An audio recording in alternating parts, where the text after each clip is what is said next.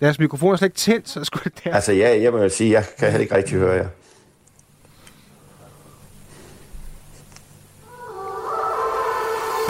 Du lytter til Radio 4. Velkommen til Det Blå Hjørne. Din vært er Morten Reimer.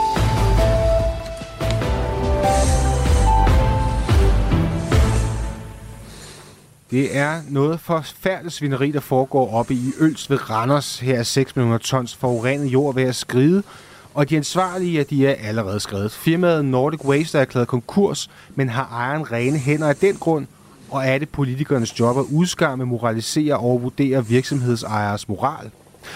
Og så er de første milliarder i forsvarsforliget blevet udmyndtet. De skal gå til blandt andet torpedoer og fastholdelse af personel.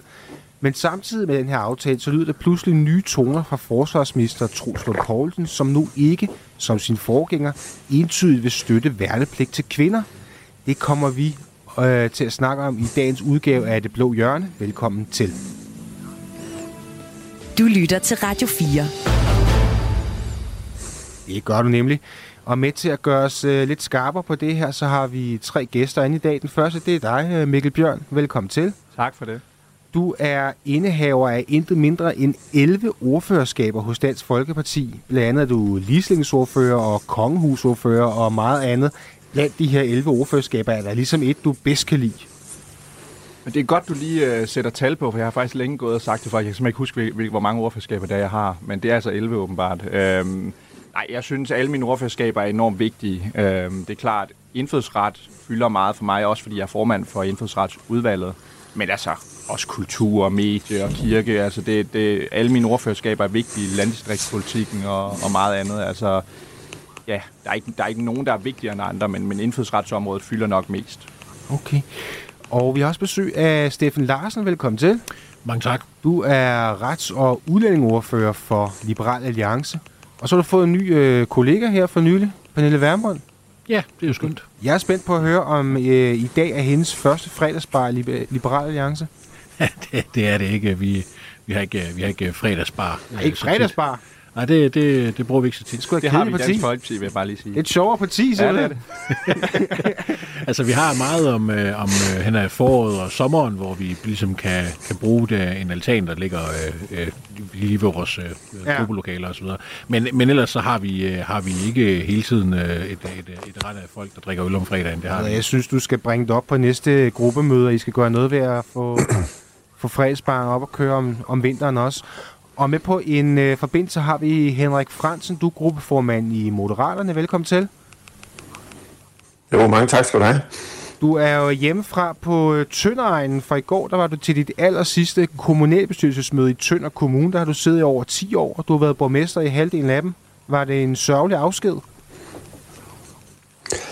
Nej, det synes jeg ikke, det var. Jeg synes, det var... En, selvfølgelig er det altid gribende at sige, sige at lukke et kapitel, som det jo er for mig.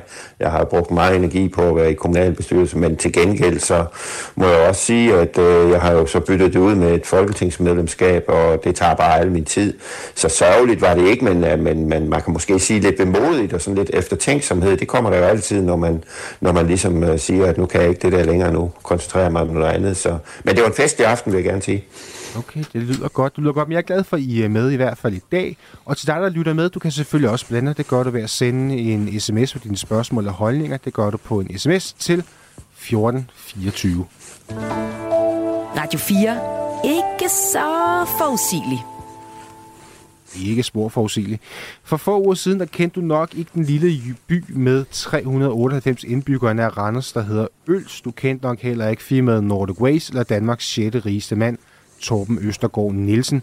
Men sagen om øh, jordskredet, det er på alles læber, ikke mindst efter at Nordic Waste er erklæret konkurs, og det nu er usikkert, hvem der kommer til at betale regningen på anslået 2,2 milliarder kroner for at rydde op og undgå en miljøkatastrofe. Henrik Fransen, hvad optager dig egentlig mest i den sag her med Nordic Waste? Jamen det jeg egentlig er mest optaget af, det er at finde ud af, hvordan undgår vi øh, en lignende situation i fremtiden. Og øh, der synes jeg jo i hvert fald, det er vigtigt, at vi først i første omgang får fundet ud af, hvad er egentlig op og ned i den her sag. Øh, hvad er det, der er gået galt? For der er jo helt klart gået et eller andet galt, siden vi kan stå i den her situation. Men samtidig er jeg også nødt til at se på, at øh, når sådan noget her sker, og man har en virksomhed som øh, Nordic Waste, der har en egenkapital på 17 øh, millioner, og det så viser sig, at vi havner sandsynligvis på en regning, der er flere hundrede millioner øh, kroner stor. Hvordan har vi en eller anden øh, mekanisme, der gør, at øh, altså en fond eller et eller andet, der gør, at vi så i fremtiden kan gå ind og, og få, få den til at dække de her omkostninger.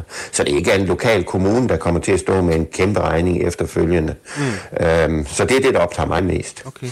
Og Mikkel Bjørn, du sidder og noterer, er det også øh, at undgå næste gang, det her det sker, der interesserer dig? Jamen, det er helt afgjort. Jeg synes, det er, det er en dybt øh, ærgerlig øh, sag, øh, som vi selvfølgelig skal hvad skal man sige, lære af at tage til efterretning og sørge for, at, at sådan noget ikke kommer til at, ske, til at ske igen. Og jeg kan jo forstå på, at der er søgt en agtindsigt, øh, der viser, at forvaltningen slet ikke har informeret kommunalbestyrelsen om, at det her øh, jordskred var i gang. Øh, og det synes jeg selvfølgelig er dybt, dybt bekymrende, hvis, øh, hvis forvaltningen øh, bevidst tilbageholder oplysninger for, for kommunalbestyrelsen, som er dybt relevante for de beslutninger, som, som den sidder skal tage. Men hvad, hvad for en interesse har forvaltningen i at tilbageholde de her informationer? Ingen idé, uh, ingen idé andet end, at så skulle det være, hvis der er, uh, altså hvis det er noget, man har gjort med vilje, det, det skal jeg ikke kunne sige, om det er, men altså skulle det være, fordi at man bare gerne vil holde arbejdspladserne i, i Randers. Altså, ja. men, men nej, øh, jeg siger ikke, at forvaltningen bevidst har tilbageholdt oplysninger. Jeg konstaterer bare, at, at man har kunnet dokumentere, at forvaltningen ikke har informeret kommunalbestyrelsen om de her ting, og det synes jeg er bekymrende. Okay, men, men, men hvis vi nu glemmer næste gang, det her sker, for det, det håber vi ikke sker, men, men Steffen, hvad, hvad med nu? Der er vel en, en miljøkatastrofe på vej nu, og ikke næste gang. Hvad skal vi gøre ved det? Ja, det er jo her, jeg, jeg kigger meget forbløffet på øh, altså nogle af regeringspartiernes ageren, øh, særligt Socialdemokratiet. Øh, de lader til at have mere travlt med at lave en eller anden øh, heksejagt og, og, og råbe og skrige omkring alle mulige ting, man skal gøre. Øh, mens at realiteten er jo, at øh, en ansvarlig regering havde gået og sagt, okay, øh, Randers Kommune har et problem her, et problem, som de måske heller ikke selv kan håndtere, øh, der må staten jo også træde til. Altså det er jo det, hvis vi endelig skal tale om, at vi har en velfærdsstat, der kan løse problemer, som er sådan helt konkrete, øh, så, så må det jo være her, at, at en regeringsleder burde træde til at sige, okay, her skal vi finde ud af, hvad vi skal gøre for at afhjælpe situationen, nu stoppe ulykken, og, og, og hvordan kan vi gribe det her an, øh, sende de ressourcer, som Randers Kommune eventuelt har brug for, fordi det er jo også øh, en, en katastrofe, det er, jo, det, er jo, det er jo affald fra hele landet, mm-hmm. det er jo mhm. ikke affald fra Randers, øh, som er problemet, det er jo fordi, man i Randers har ophubet øh, mhm. miljøfarligt affald øh, eller jord øh, fra hele landet.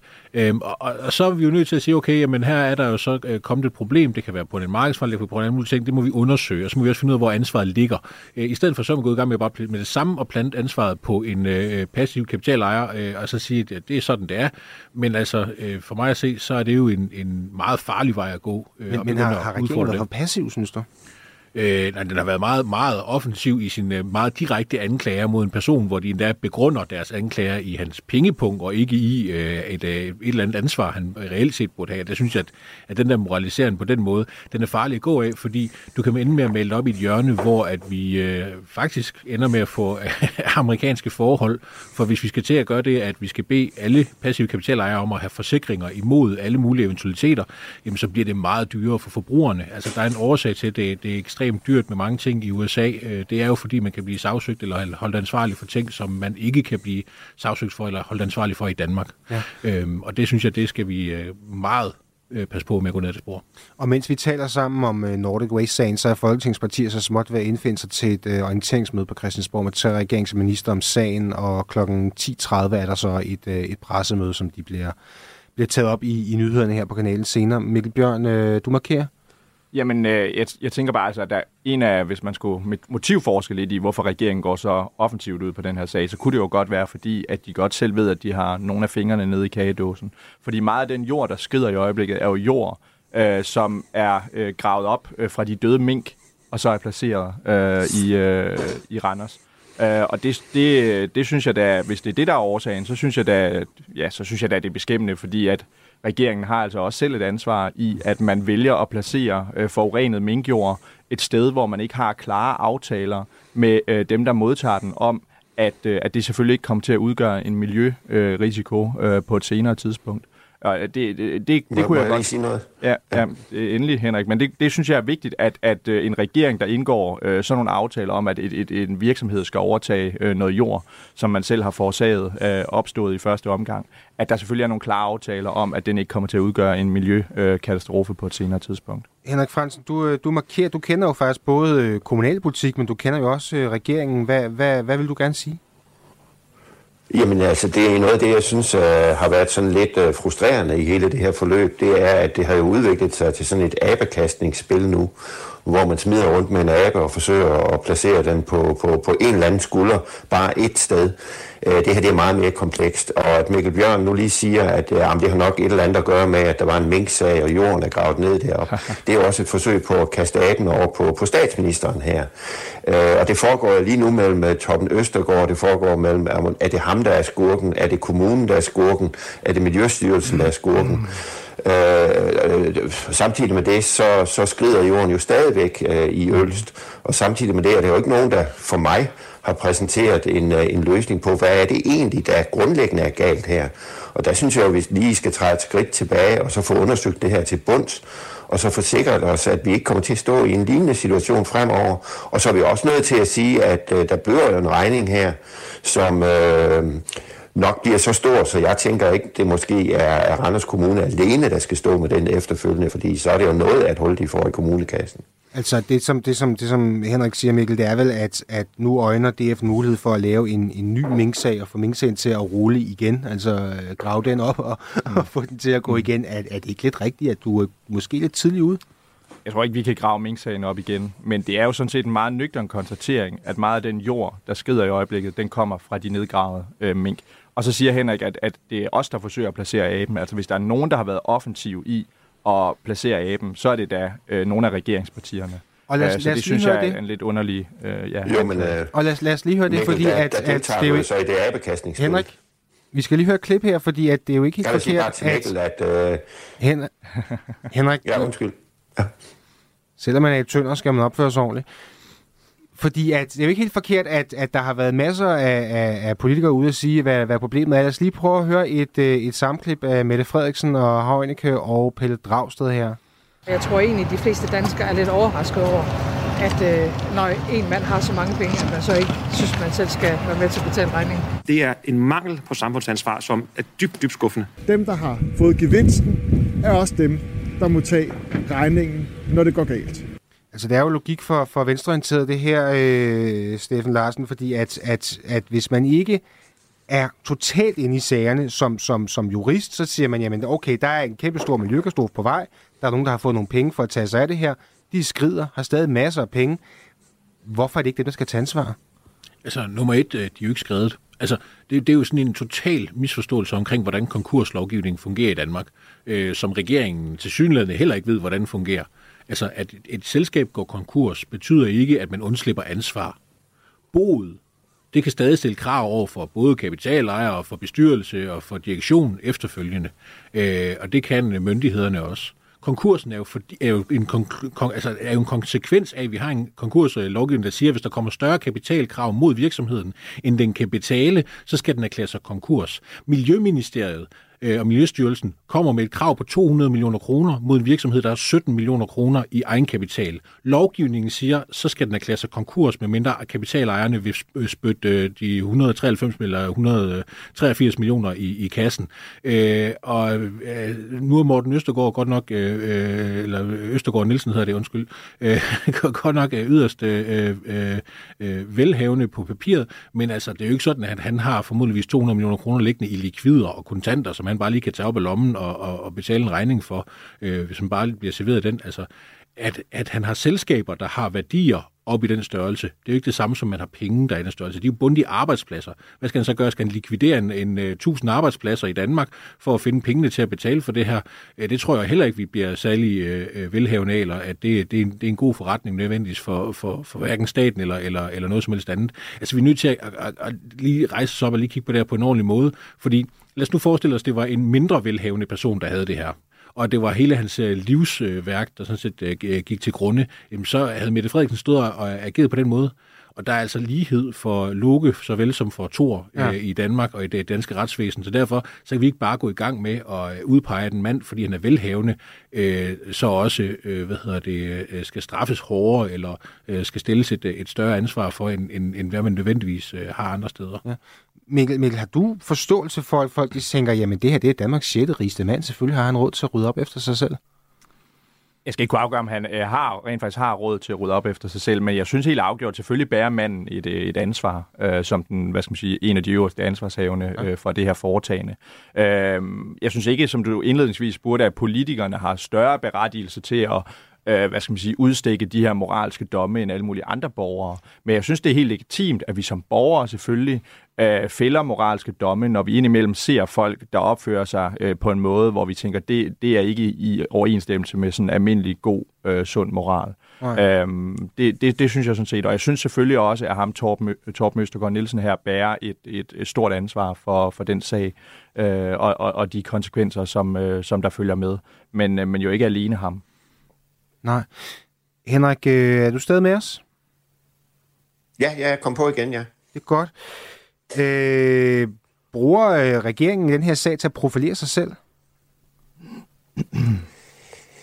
Ja, det skal man jo, det kan jeg jo ikke sådan helt vurdere. Altså, jeg kan i hvert fald konstatere, at øh, der, er, der er i hvert fald nogle ministre, som har været ude og være meget, meget øh, skarpe i retorikken. Øh, måske også mere skarpe, end jeg selv ville have valgt at være i den her sag.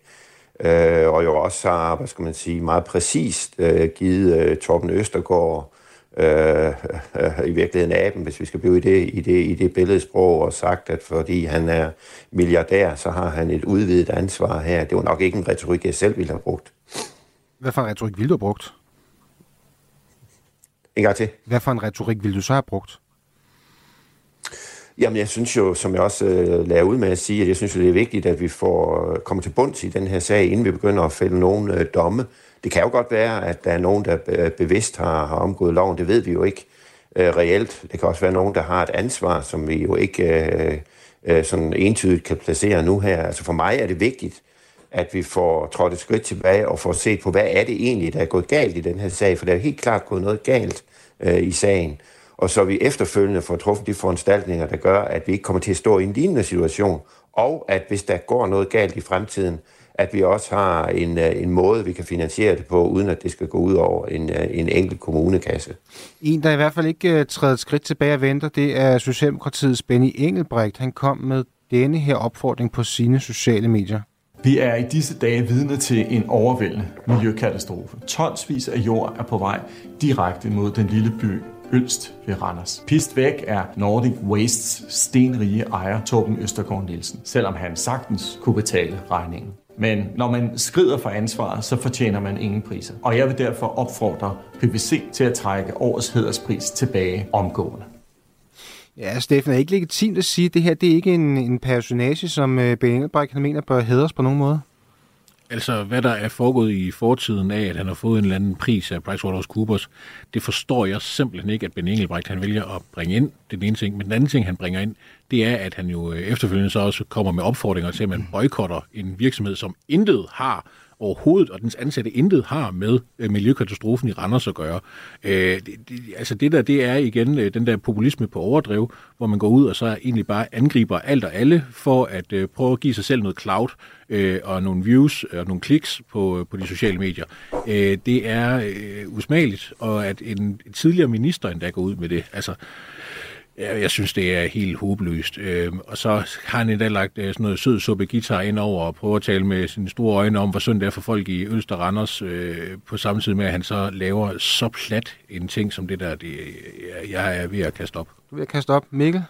Man kan mene rigtig meget om uh, Torben Østergaards ansvar i den her sag, men at begynde at anklage alle mulige andre gamle bekendtskaber, som, eller som har folk, der professionelt har haft et eller andet pæfærd øh, bekendtskab med ham, øh, og sige, at de på en eller anden måde bærer et ansvar, det synes jeg er dybt, dybt mærkværdigt. Altså hvad så med de pædagoger, der har passet ham i børnehaven? Skal de så også sanktioneres? Altså, han er sikkert også altså, medlem af Folkekirken øh, og er blevet døbt og konfirmeret. Skal Folkekirken også slå hånden af ham? Og, ja, jeg synes, altså, det, hvor, ja. hvor, hvor langt ud skal vi gå med det der? Ikke? Altså, det er jo synes, sindssygt. Altså, han har også betalt skat. Skal skat så også sende ham hans penge tilbage? Det er jo fordi, det er jo beskidte penge nu, eller hvad? altså logikken, logikken fra Peter Edelberg, der er jo, det skal man.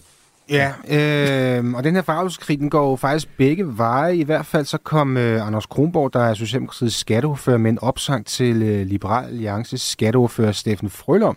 Det var i en video på X. Vi kan lige høre en bid derfra. Vi er i disse dage vidne til en kæmpemæssig miljøkatastrofe. Tonsvis af jord er med til at lave en generationsforurening nær Randers. Pist væk af Nordic Waste stenrige ejer Torben Østergaard Nielsen. Selvom han sagtens skulle betale regningen for oprydning som en af Danmarks allerrigeste mænd. Samtidig så kan man læse i BT, at Liberal Alliances erhvervsordfører forsvarer den stenrige ejer.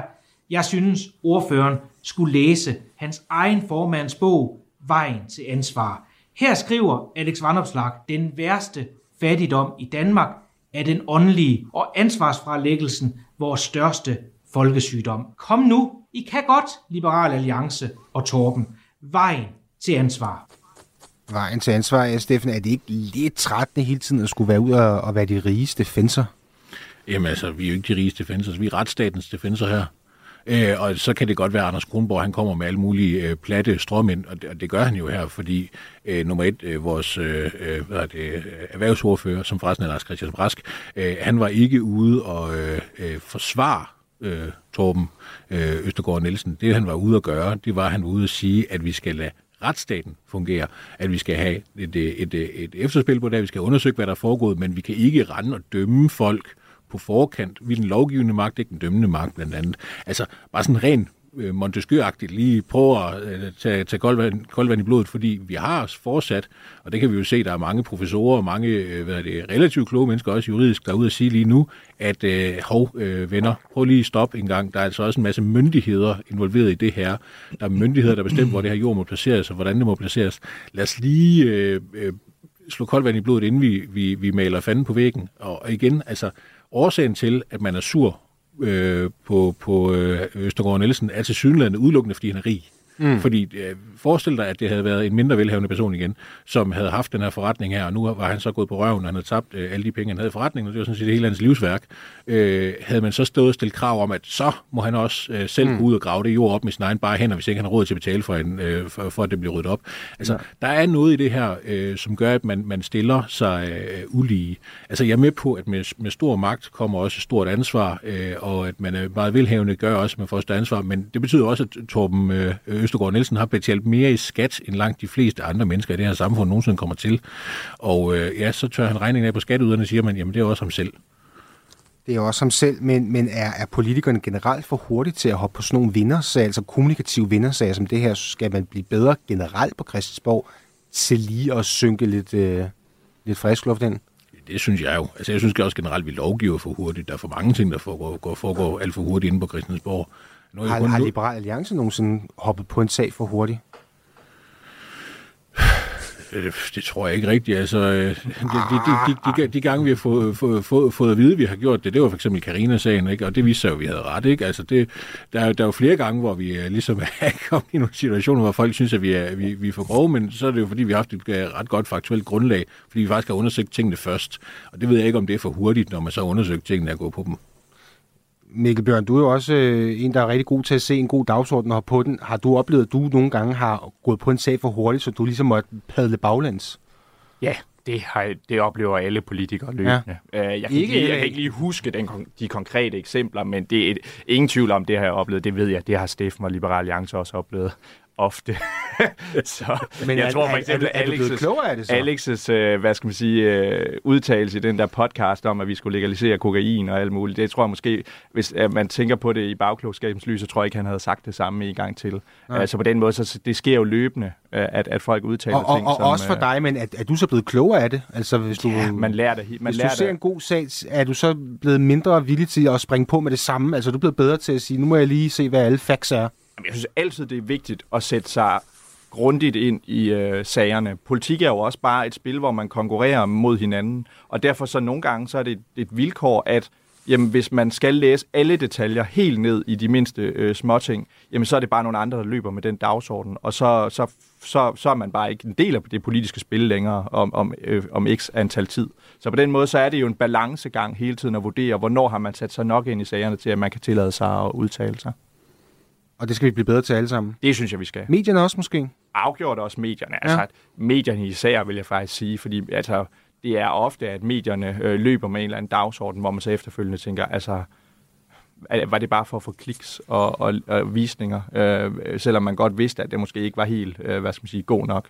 Ja. Øh, det synes jeg er helt afgjort. Altså, der er jo meget lige nu med, med den her Farhat-dokumentar og Simon Spies-dokumentaren og, og mange andre også øh, almindelige artikler, øh, hvor jeg tror, medierne er løbet for hurtigt med på en dagsorden. Yes. Vi skal øh, over have nogle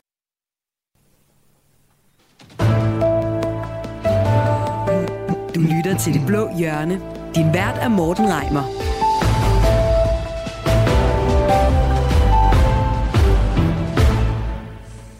Det gør du nemlig, og vi har i studiet besøg af Mikkel Bjørn fra DF, Steffen Larsen fra Liberal Alliance, og på telefonen har vi Henrik Fransen fra Moderaterne. Vi snakker om Nordic Waste, og jeg kunne godt tænke mig at læse noget op. Jeg har læst på Twitter, det der hedder X i dag, det er Karin Liltorp, hun er Moderaternes miljøordfører, og hun har skrevet, citat, meget belejligt at gå konkurs, lige som den store regning venter. Man kan få ubehagelige tanker om motiver. Citat slut. Henrik Fransen, hvad er det, din øh, kollega Karin, hun øh, insinuerer her? Ah, det kan jeg jo af god grund ikke vide, fordi øh, jeg har jo ikke øh, lige kigget ind i hendes hoved, da hun skrev det der. Øh, men altså, det, vi må bare sige, at øh, med den øh, lovgivning, vi har i dag, og, og den er jo er rigtig fornuftig omkring øh, konkurslovgivning osv., så, videre, så er det jo bare sådan, at når, når en virksomhed går konkurs, jamen så, så, øh, så kan man sige, at de regninger, de måtte efterlade, det er ligegyldigt, om det er til skattevæsenet, eller det er til en kommune, eller for oprydning efter en miljø katastrofe som den her, de er jo bare øh, havnet i et eller andet ingenmandsland, hvor der er nogle andre, der skal samle dem op. Sådan er lovgivningen, og det giver rigtig god mening, vil jeg gerne sige, at vi har den lovgivning. Men, men er det, som hun skriver, er det belejligt for, for, for Danmarks 6. rigeste mand, at han kan lukke sin virksomhed, når det begynder at gå galt? Jamen, øh, om det er belejligt for Torben Østergaard eller det ikke er, det er sådan set ikke så interessant i den her sammenhæng, synes jeg. Øh, jeg synes, det er vigtigt, at vi har en øh, lovgivning omkring aktieselskaber, omkring øh, den måde, at man har begrænset ansvar, at det er den indskudte kapital, man risikerer, og ikke huser hjem, øh, hver gang øh, øh, der er en virksomhed, der går konkurs.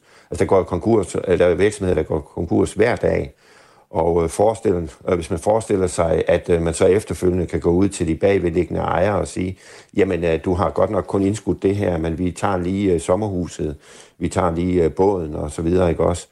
Så er der bare ikke nogen, der vil investere længere i fremtiden. Så konkurslovgivningen fejler ikke noget. Det er bare ærgerligt i den her situation, at vi som samfund kommer til at stå med en meget stor regning. Men det, jeg tænker ikke, at vi skal ind og lave om i konkurslovgivningen. Steffen, når du læser, hvad, hvad, hvad Moderaternes miljøoverfører skriver, altså det er meget belejligt at gå konkurs, hvordan tolker du det?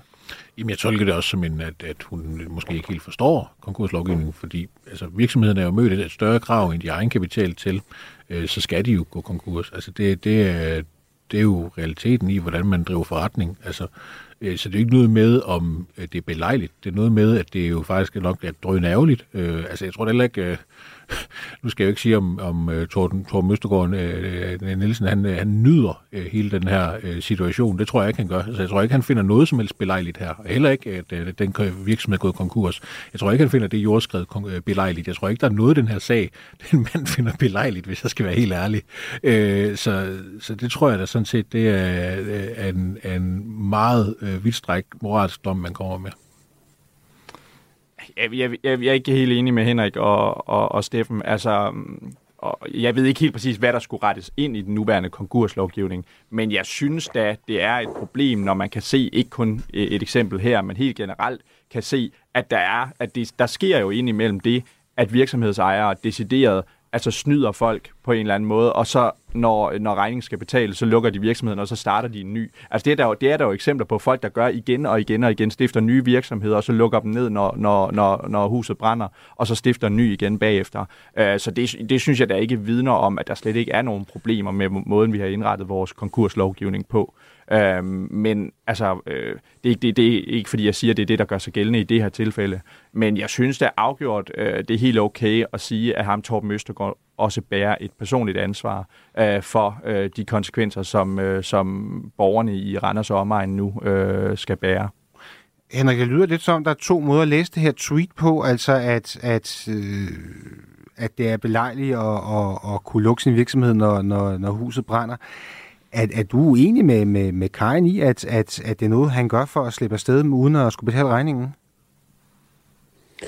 Jamen altså, det, det, er, jo ikke, det er jo ikke sådan, at, øh, at virkeligheden er.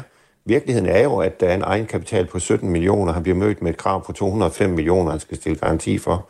Og så er han jo nødt til at, at erklære virksomheden konkurs. Øh, om det så er belejligt eller ikke er belejligt, det er jo sådan en vurdering, man må sidde og lave hjemme ved, ved køkkenbordet, tænker jeg.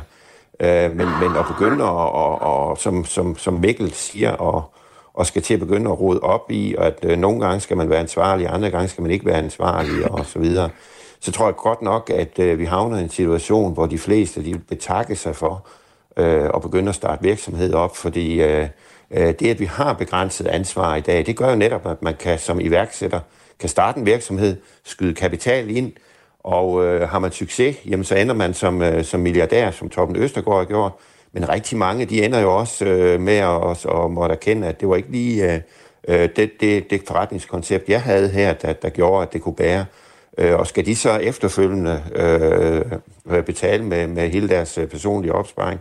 Det tænker jeg ikke, vi skal ud i det der, så, vi, for så får vi et samfund, hvor, hvor, hvor, hvor innovation og initiativløst og det at starte virksomhed, det bare er no-go. Du lytter til Radio 4. Det gør du nemlig, og vi skal videre til næste runde, der handler om øh, forsvar og værnepligt. For nu er den første delaftale af forsvarets forliget landet, og blandt andet skal 3,5 mm. milliarder kroner bruges til rekruttering, fastholdelse og uddannelse. Men samtidig så så udtalelser fra forsvarsminister Troels Lund Poulsen tvivl om værnepligt til kvinder er på vej eller ej. Noget, som der ellers tidligere var flertal for. Det lød sådan her på DR tidligere på ugen. Jeg forventer, at de diskussioner omkring en ny værnepligtsmodel kommer til at tage lidt tid og bliver lidt besværlige her i løbet af foråret, fordi at, at, at, at det er ikke alle partier, der ser ens på det. Men vi er dog alligevel enige om, at vi skal have øh, en længere værnepligt, den skal være mere robust, øh, og så skal vi se på, hvordan man kan, kan gøre det bedre i forhold til ligestilling. Øh. Men, men vil den længere værnepligt også omfatte kvinder? Skal de også øh, til forsvarsdag, til session, som det hed i gamle dage? Det tænker jeg, jeg siger lidt om at præsentere mit forslag. Men er, der, er I enige i regeringen i det mindste om kvindelig værnepligt? Øh, jamen, hvad vi diskuterer i regeringen, det, det, det tror jeg ikke, jeg har et stort behov for at lave public service diskussioner.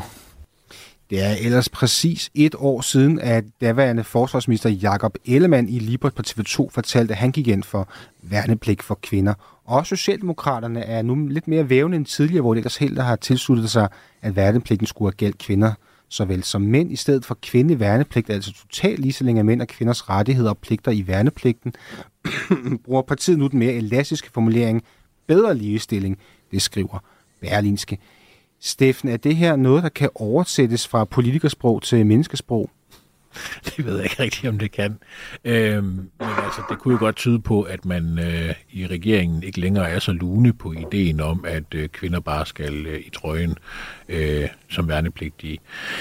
Og altså, øh, jeg går ind for ligestilling, øh, og øh, det, er jo, øh, det er jo mægtig fint at, at, at påstå, at det er at få... Øh, øh, kvinder i, i, i trøjen, det er bare sådan en ligestillingsmekanisme, øh, men altså, nu er jeg jo så også øh, heller ikke en stor tilhænger af værnepligt, så jeg ved Nej. ikke helt, hvordan det, at det der øh, indføre mere værnepligt skulle være godt. Altså jeg mener jo reelt set, at, at det danske forsvar skal være baseret øh, primært på øh, en stor mængde frivillige. Det er det jo heldigvis også i dag. Mm-hmm. Forsvaret selv siger, at de egentlig ikke vil have værnepligt, hvis de kan slippe for det, øh, fordi det er en ekstremt dyr proces for at få meget få øh, øh, frivillige rekrutter. Og det, det, det må man sige, så er det en, en, en meget... Øh, omkostningstung måde øh, at lave vævekampagne på. Men lad os snakke om det lidt, øh, lidt senere, hvis vi lige fastholder fokus på det her med, med, med, med kvinder og, og værnepligt, så lyder det jo, Henrik Fransen, lidt som om, at, at Venstre er ved at skifte mening, Socialdemokratiet er heller ikke så sikre, som de har været. Hvad, hvad, med, hvad med dig og, og Moderaterne?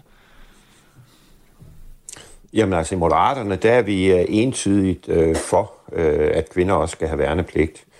Øh, det, det, øh, vi har jo i øvrigt også øh, i vores øh, partiprogram jo en, en hensigt om, at vi skal udvide hele det der begreb omkring øh, pligt. Øh, vi har noget, vi kalder for borgerpligt, hvor vi egentlig ser, at alle unge mennesker på et eller andet tidspunkt i løbet af for, for eksempel efter endt øh, ungdomsuddannelse øh, skal måske tre måneder i det, vi kalder for borgerpligt, netop for at styrke sammenhængskraften i, i vores samfund. Det er klart, at man det, kommer det, ud det, og det, er jo yder noget noget andet. samfundet. Det er jo lidt Men jeg vil også andet, gerne Henrik. sige, at Værnepligt Ja, men jeg vil alene. gerne sige, at øh, ja, for lige at vende tilbage til værnepligten, at øh, her har vi jo et rigtig godt eksempel på, at øh, vi har en, øh, en, en, en regering, der består af tre partier. Øh, det er jo ret tydeligt, at vi ikke helt 100% enige omkring øh, kvindelig værnepligt her. Men øh, man kan jo være helt sikker på, at øh, når der kommer et, øh, et regeringsudspil omkring det her på et tidspunkt, at så har regeringen fundet en politik på det her område. Øh, for vi er jo tre partier, der går ind i et rum, men vi kommer ud med en fælles politik mm. På området. Øh, og det har jo kendetegnet rigtig mange andre ting også. Jeg kan bare sige skat, og jeg kan sige andre steder, Der er hvor, mange ting, men Henrik, du må, du må meget gerne lige tage os med ind i det her rum, fordi for et år siden, der var I enige om værnepligt for kvinder, super fed idé. Nu er to af partierne slet, "Ah, hvad er det, der er sket i den mellemliggende periode? Jamen altså, jeg kan jo i hvert fald sige, at øh, i Moderaterne er der jo ikke sket noget, fordi vi mener jo stadigvæk, at kvindelig værnepligt er, er et plus øh, for ligestillingen i Danmark, men også for, for militæret. Jeg tænker, at øh, de kvinder, der er inde i militæret i dag, de gør rigtig god fyldes der, hvor de er.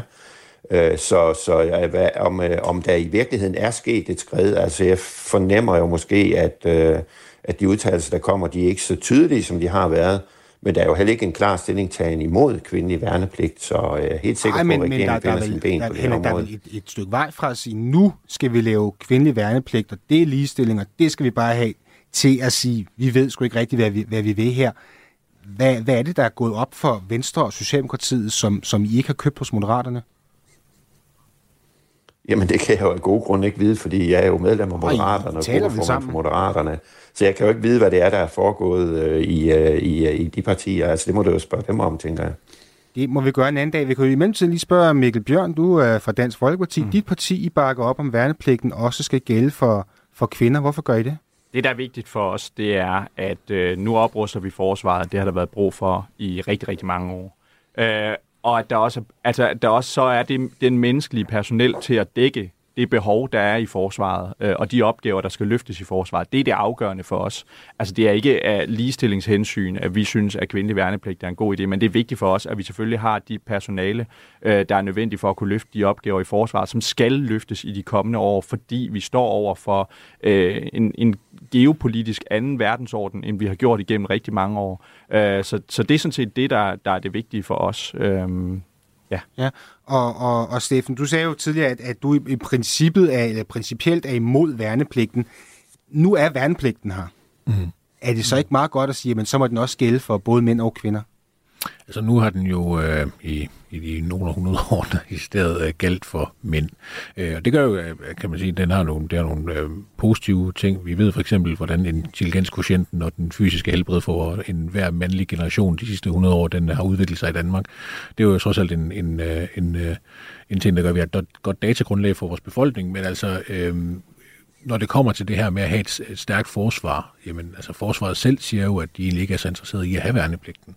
De ser det som en meget, meget dyr måde at rekruttere på. De vil hellere rekruttere frivillige øh, i stor stil, og der vil de øh, hellere have nogle øh, gode muligheder for det. Og der kan man stadig, vil man stadig egentlig kunne lave øh, den samme form for mulighed for at komme ind i en periode, øh, som øh, noget, der er værnepligtslignende. Altså, og så tror jeg også, vi må konstatere, at det, det værnepligten udvikler sig til med, med HBU'en, altså her en basisuddannelse på fire måneder der, øh, jeg ved ikke, hvor meget værnepligt der er tilbage i det. det, det, det altså, Nej, men, men, men, men den, og, den værnepligt, der dog trods alt er tilbage, er det ikke fair nok at sige, jamen så længe der er værnepligt, så må den gælde både mænd og kvinder? Det kan man jo godt antage det synspunkt, hvis man mener, at mere værnepligt er godt. Jeg mener jo, at mindre værnepligt var en, var en, var en vej frem, øh, og at vi så tager øh, kvinder, som jeg jo hvis, man skal, hvis jeg skulle lægge et, øh, et, et, et synspunkt, jeg har hørt fra Anna Libak, som jeg egentlig køber lidt ind i, øh, og det gør jeg nok, fordi jeg, jeg øh, er den observans, at, at det er et godt borgerligt argument på en eller anden måde, øh, så er det jo også, at øh, jamen, kvinder føder børn. Altså, de, de, de har den vej rundt også et ansvar for fædrelandet, hvis man skal bruge en, en, en, en vinkel, som Mikkel Bjørn nok vil, vil, vil, vil kunne til, tilslutte sig, at, der, at fremtidige generationer af danskere, det kræver ligesom, at kvinder de bruger noget tid øh, på, på, på barselslejet, mm. øh, hvor at, øh, så kan vi jo sende de unge mænd i trøjen. Øh, øh, hvis man skal tale om, at man har pligt til et eller andet, øh, så tror jeg da, at, øh, at øh, man kunne gå den vej ud af. Yes. Så mænd går i krig, kvinder føder kvinder. Vi skal lige høre Tom Blok, der er ja. formand for hvad sagde jeg? Du sagde kvinder føder kvinder, og jeg tror, jeg tror du mente børn. Ikke hjemme hos mig. Hvad hedder det? Tom Blok, der er formand for Herrens Konstabel og Korporalforening, som altså er soldaternes fagforening, han var med i P1 Morgen i tirsdags, og der sagde han sådan her. Vi har udfordringer med materielle, også i forhold til kvinder og deres anatomi, og det samme med, hvad den har uniform og alt det. Øh, så jeg synes, øh, og så egentlig også bare det med, med, med forståelsen for, hvad, at der er nogle, nogle hvad den har man sige, du er nødt til at tage nogle hensyn nogle gange også til kvinder, øh, som, som forsvaret ikke er helt klar på endnu. Hmm. Hvilke hensyn er det? Jamen, det kunne blandt andet være, når man er på øvelse og alt muligt andet, så har kvinder nogle gange perioder på måneden, hvor de altså har behov for at komme ind øh, på toilet eller, eller på, i, i et bad. Ikke? Øh, der har det også Sagde du lige det? Ja, det, det gjorde jeg. Altså, at det, at kvinder de har menstruation, det, øh, det gør, at de er mindre egnet som soldater? Mm, oh, nej, det var ikke det, jeg sagde. Nå. Jeg siger, det var det, der, hvor jeg siger, at det, det, det skal forsvaret også lære at forstå, at der har kvinderne jo nogle andre behov end mændene. Mikkel Bjørn, øh, hvad tænker Dansk Folkepartis leasingsordfører, når han hører sådan en klip her? Jamen, jeg synes, øh, det er nogle relevante øh, pointer, der bliver inddraget. Altså, vi er nødt til at... Det skal jo være noget, øh, hvis, vi, øh, hvis vi pålægger øh, forsvaret øh, den mulighed, så skal det jo være noget, forsvaret selvfølgelig kan se sig selv i øh, og som giver mening inden for de rammer, vi, vi sætter for forsvaret. Altså hvis vi ikke giver mulighed for flere ressourcer til, øh, til materiel, eksempelvis, som han nævner, jamen så, så, så, så er det jo besværligt at så pålægge dem øh, øh, nogle rammevilkår, som det er svært at arbejde under. Um, så det, det skal selvfølgelig være på plads. Det vigtige for os er, at øh, forsvaret har øh, både materiel og personale til at løfte de opgaver, som forsvaret får brug for i, uh, i fremtiden. Mm. Uh, det er det afgørende for os, ikke et eller andet ligestillingshensyn. Men det er da sjovt, at... at må jeg sige noget? Uh, må jeg lige afslutte? Det, lige, det, det er sjovt, at de partier, som ellers normalt uh, taler om, at hvis der er den mindste øh, diskrepans mellem mænd og kvinder på noget som helst. Altså det mindste, mindste forskel i, hvordan mænd og kvinders valg udarter sig i forskellige resultater, jamen så er det et eller andet stort ligestillingsproblem. Men, øh, men når det gælder værnepligt, så er man sådan lidt mere øh, så, så som så. Altså det synes jeg er sådan lidt ja, underligt, øh, men det må regeringspartierne jo svare for. Henrik Fransen? Jamen altså, jeg kan næsten ikke, øh, jeg kan næsten ikke tro, hvad jeg hører her. Altså, at øh, debatten den går på, at øh, kvinder føder børn, og kvinder har menstruation. Ergo egner de sig ikke til at være værnepligtige. Altså, vi er jo det er ikke, der, vi er ikke tilbage i 1920'erne eller noget i den retning. Det, er, uh, det var det, der blev sagt lige før. Nej, uh, altså, det, det er, jeg, jeg, kan slet ikke, jeg kan slet ikke forstå det. Og selvfølgelig er der nogle, nogle, nogle, nogle ting, som gør, Uh, altså, der, altså, jeg ved også, at kvinder er en lille smule lavere end mænd og så videre, ikke også? Henrik, hvem er, så skal vi hvem er det, der siger, at... efter det, men vi kan jo ikke have et forsvar, som, øh, som, Henrik? som, som, som ikke kan, kan rumme kvinder. Ja. Henrik, Henrik, hvem er det, der siger, at, øh, at, at, at kvinder ikke kan, kan fungere i hæren? Jamen, jeg kunne jo forstå på, øh, på, på LR'en, der snakkede lige før, at, øh, at det var jo, vi havde den arbejdsdeling, at øh, kvinderne blev hjemme og fødte børn, og, og mændene var, var værnepligtige. Og jeg vil også sige, at i dag er vi jo i fuld gang med, og øh, altså i dag er det jo også sådan, at øh, mænd skal også have barselsoverlov. Det er jo kun, kun kvinder, der har barselsoverlov længere. Øh, så øh, at det er den øh, argumentation, det forstår jeg simpelthen ikke. Vi har i dag rigtig mange kvinder i forsvaret, i politik, i beredskab osv., som løser nogle øh, opgaverne på lige fod med, at mænd gør. Og det kan de også sagtens i, øh, i forsvaret. Øh, og at der så også er et ligestillingsaspekt i det, det synes jeg bare gør det endnu mere vigtigt. Mm. Men det gør også, at vi har, øh, vi skal bruge rigtig mange værnepligtige i fremtiden, og her ser jeg i hvert fald også kvinder som en stor ressource. Steffen Larsen, eller jeg hørte dig tydeligt sige før, at kvinder føder kvinder. Hvad hedder det? Ah, jeg sagde kvinder føder børn. Nej, jeg var sjov med dig. Kvinder føder børn, og, og mænd er derfor ligesom må, må, må hvad? Altså udjævne forskellen ved at gå i forsvaret, og altså tage en tørn på den måde? Eller er det, det, var, det, det, var, det var ikke helt som mit argument var, men... Men, men så prøv lige at lad, os, lad, lad, os, lad, os lige, lad os lige prøve at tage den, så, øh, så også uh, Henrik kan forstå den. Øhm, det, det jeg sagde, og det var et, øh, et argument, jeg har fået fra uh, Anna Libak, øh, det er et, jeg køber lidt ind i, sagde jeg også, øh, at, at der er en logik i, at jamen, når kvinder føder børn, så bruger de jo deres fysiske øh, eksistens til og også at, at gøre det, og der tager de noget ekstra barsel, og de er derude at slide på deres krop. Øh, og så sagde jeg så, at hvis man lige skulle, nu køber jeg ikke argumentet om, at vi overhovedet skal have en værnepligt, øh, Henning Fransen, øh, men derudover har jeg på intet tidspunkt sagt, at, øh, at kvinder ikke må være værnepligtige, eller ikke kan ej, være egnet som værnepligtige. Det var slet ikke det, vi var i gang med at diskutere. Så det der med at tale om 1920'erne, det må I gøre i tønder. Det, øh, det holder vi os andre fra her i studiet. Øhm, altså helt reelt, så taler vi om, at jeg er imod værnepligt, men jeg er også imod, at man så udvider værnepligten til kvinder. Øh, ikke fordi, at øh, hvad hedder det, jeg som sådan ikke ser, at øh, vi kunne have noget ligestilling på området, men fordi, at jeg faktisk ikke tror, at der kommer ligestilling ud af det. Blandt andet nu, hvis vi hører øh, den konstabel lige før, så kan vi selvfølgelig sige, at det var politisk ukorrekt sagt af manden. Jo jo, men at noget er politisk ukorrekt gør ikke, at det er faktuelt forkert, det han siger. Der bliver i forsvaret stillet øh, anderledes krav til kvinder, end der gør mm. til mænd. Den måde, man ser på, om de kan, for eksempel kan komme ind på en militær uddannelse, der stiller man lavere krav. Kvinder skal ikke løbe lige så hurtigt, kvinder skal ikke bære lige så meget, mm. kvinder skal ikke kunne bære en uh, kammerat ud af en krigszone og lignende. Det er nogle helt andre krav, man stiller. Det gør man jo, fordi den fysiske virkelighed i jernindustrien, den er anderledes ja. på, de, øh, på det punkt. Og det kan vi selvfølgelig godt sidde og lade som om, at det skal vi være meget fornærmet over, at nogen nævner, mm. eller nogen siger. Men jeg siger ikke, at kvinder ikke kan være soldater. Jeg siger ikke, at kvinder ikke kan være i forsvaret. Det er der ingen her i øh, studiet, der har sagt, her, hverken mig eller Mikkel Bjørn. Mm. Det vi siger til gengæld, det er, at der, der er nogle fysiske forhold, der er anderledes. Mikkel Bjørn anerkendte, at det, som konstablen sagde, selvom det var politisk ukorrekt af ham at sige det, det var også derfor, at øh, studieverdenen var ved at tabe monoklen ned i kappen, øh, koppen med kaffe, det var jo, at, øh, at, at det var korrekt, det han sagde, fordi jamen, for, forsvaret stiller nogle andre faciliteter til rådighed for kvinder, også når de er i felten, når de er på øvelse osv. Kvinder kan fx opte out af en øvelse, hvis de har menstruation. Der kan simpelthen sige, jamen jeg bliver hjemme på kasernen. Det er jo en mulighed, en mand ikke har. Og, og der, der er vi nødt til at sige, at der er forskelsbehandler man for at opnå den ligestilling, eller hvad man skal kalde det, det er. Men det gør man i forsvaret, og det kan vi selvfølgelig godt lade som om, man ikke gør. Og vi kan også lade som om, at det kræver bedre faciliteter, flere penge og flere midler, men det gør det. Henrik, øh, er det dig, der er sådan lidt for, for, for woke til at indse, at der er fysisk forskel på mænd og kvinder, og det kan man ligesom ikke tage, tage, tage højde for i forsvaret? Nej, det synes jeg bestemt ikke, det er.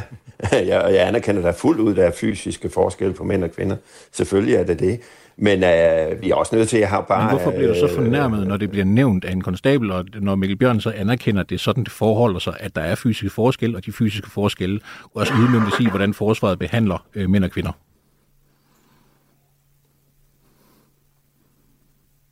Faldt du af, Fransen?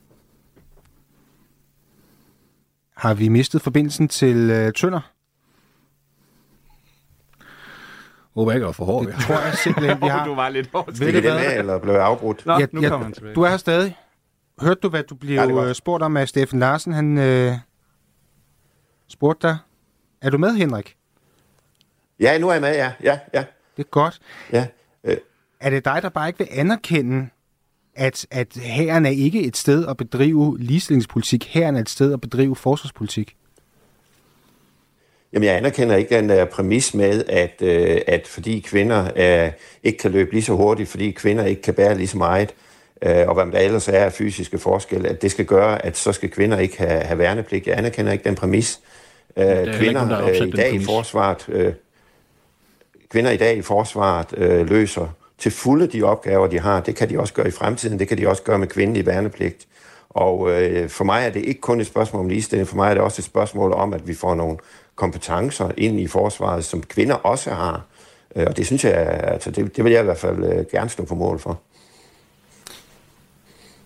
Ja, øh, jamen, øh, ja, jamen det er jo glimrende, øh, Henrik. Øh, men jeg, jeg, jeg, jeg i, i lighed med Steffen måske undrer mig lidt over, at, at du reagerer så kontant på stadfæstelse af ret objektive forhold, nemlig at jamen, hvis kvinder skal ind i værnepligten, så kræver det nogle øh, tilførsel af nogle ressourcer på specifikke områder. Øh, det kræver, at man tager, øh, sætter nogle bestemte rammevilkår øh, ned over forsvaret, som ikke gør sig gældende øh, i, i samme omfang i dag. Øh, og det, det er jo sådan set en ret nøgterne anerkendelse af, af sådan, øh, hvad den faktiske virkelighed ude i jernindustrien. Øh, og det synes, jeg, det synes jeg ikke, der er noget øh, forkert eller 1920'er-agtigt over at konstatere. Øh, men det, det ved jeg ikke, om det er det, du mener. Jamen, jeg mener, hvis, øh, hvis, øh, hvis det her det er et spørgsmål om, at der skal menstruationsbind i, i feltrationerne til halvdelen af de værnepligtige, så, øh, så tænker jeg ikke, at, at for mig det er jo ikke et problem. For mig er det bare en tilpasning til den virkelighed, vi er i. Det tror jeg heller ikke, der er nogen, der synes, der er et problem. Men det er klart, at det er jo, det er jo bare en lille ting ud af en større, hvad skal man sige, omkalfatring af de rammevilkår, der er for forsvaret i dag. Og det, det, det vi siger er bare, at der, der skal de ressourcer og de rammer jo følge med, hvis, øh, hvis det skal kunne lade sig gøre for forsvaret. Ja, selvfølgelig. Ja. Skal det det? Det er jo godt. Så er vi jo ikke uenige. Det lyder faktisk som om, vi er endt med total enighed. Det havde jeg nærmest ikke regnet med øh, for bare 20 sekunder siden. Jeg tror ikke, vi når forfærdeligt meget mere. Ah, det tror jeg så ikke, vi er helt enige om. Ved hvad, jeg, har, jeg har hørt, at I tre har en bygning i det centrale København, hvor I kan snakke videre om det her. Vi når ikke mere af det blå hjørne i dag. Hvor er den? Jeg har aldrig set den bygning. Det er den store med tårnet der. Nå, den. Nå ja, der det er er, jeg den, det er den, det er den. Og Henrik, du må komme tilbage fra Tønder og snakke videre med, med de to andre om det her. Vi når simpelthen ikke mere Ja, af det blå. jeg tror, jeg tror at næste gang, der skal jeg i studiet. Det er sådan lidt øh, svært at være på distancen her. Så. Jeg kunne næsten ikke høre dig, Henrik. Hvad sagde du? Jeg siger, jeg tror at næste gang, der skal jeg være med i studiet. Øh, det er lidt svært at være på distancen her. Du skal være meget velkommen, men, men jeg vil jo heller ikke frarøve dig dit aller sidste byrådsmøde i Tønder. Nej, det er jo det jo. I will do det anything også for stor love, but på. I won't do that. ja. Som jeg prøvede at sige før, vi når simpelthen ikke mere af det blå hjørne i dag. Fik du ikke lyttet med fra start, så kan du finde det hele som podcast. Det kan du gøre i Radio 4's app, eller der, hvor du plejer at høre podcast. Jeg vil gerne sige tak til dagens gæster. Det er Moderaternes Henrik Fransen, det er Liberal Alliances Steffen Larsen og Dansk Folkepartis Mikkel Bjørn. Programmet det er lavet i samarbejde med Avisen Danmark. Mit navn er Morten Reimer. Kan du ikke få nok af politik, så finder du Radio 4's andre politiske programmer i Radio 4-appen, der alle hverdage live, undskyld, eller alle hverdage live mellem 9 og 10. Lige om lidt, så er der nyheder, og derefter så sender vi Ring til Radio 4. Tak fordi du lyttede med, og have en rigtig god weekend.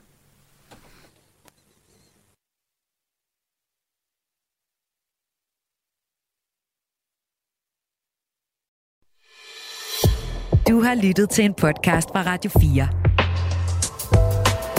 Find flere episoder i vores app, eller der, hvor du lytter til podcast. Radio 4. Ikke så forudsigeligt.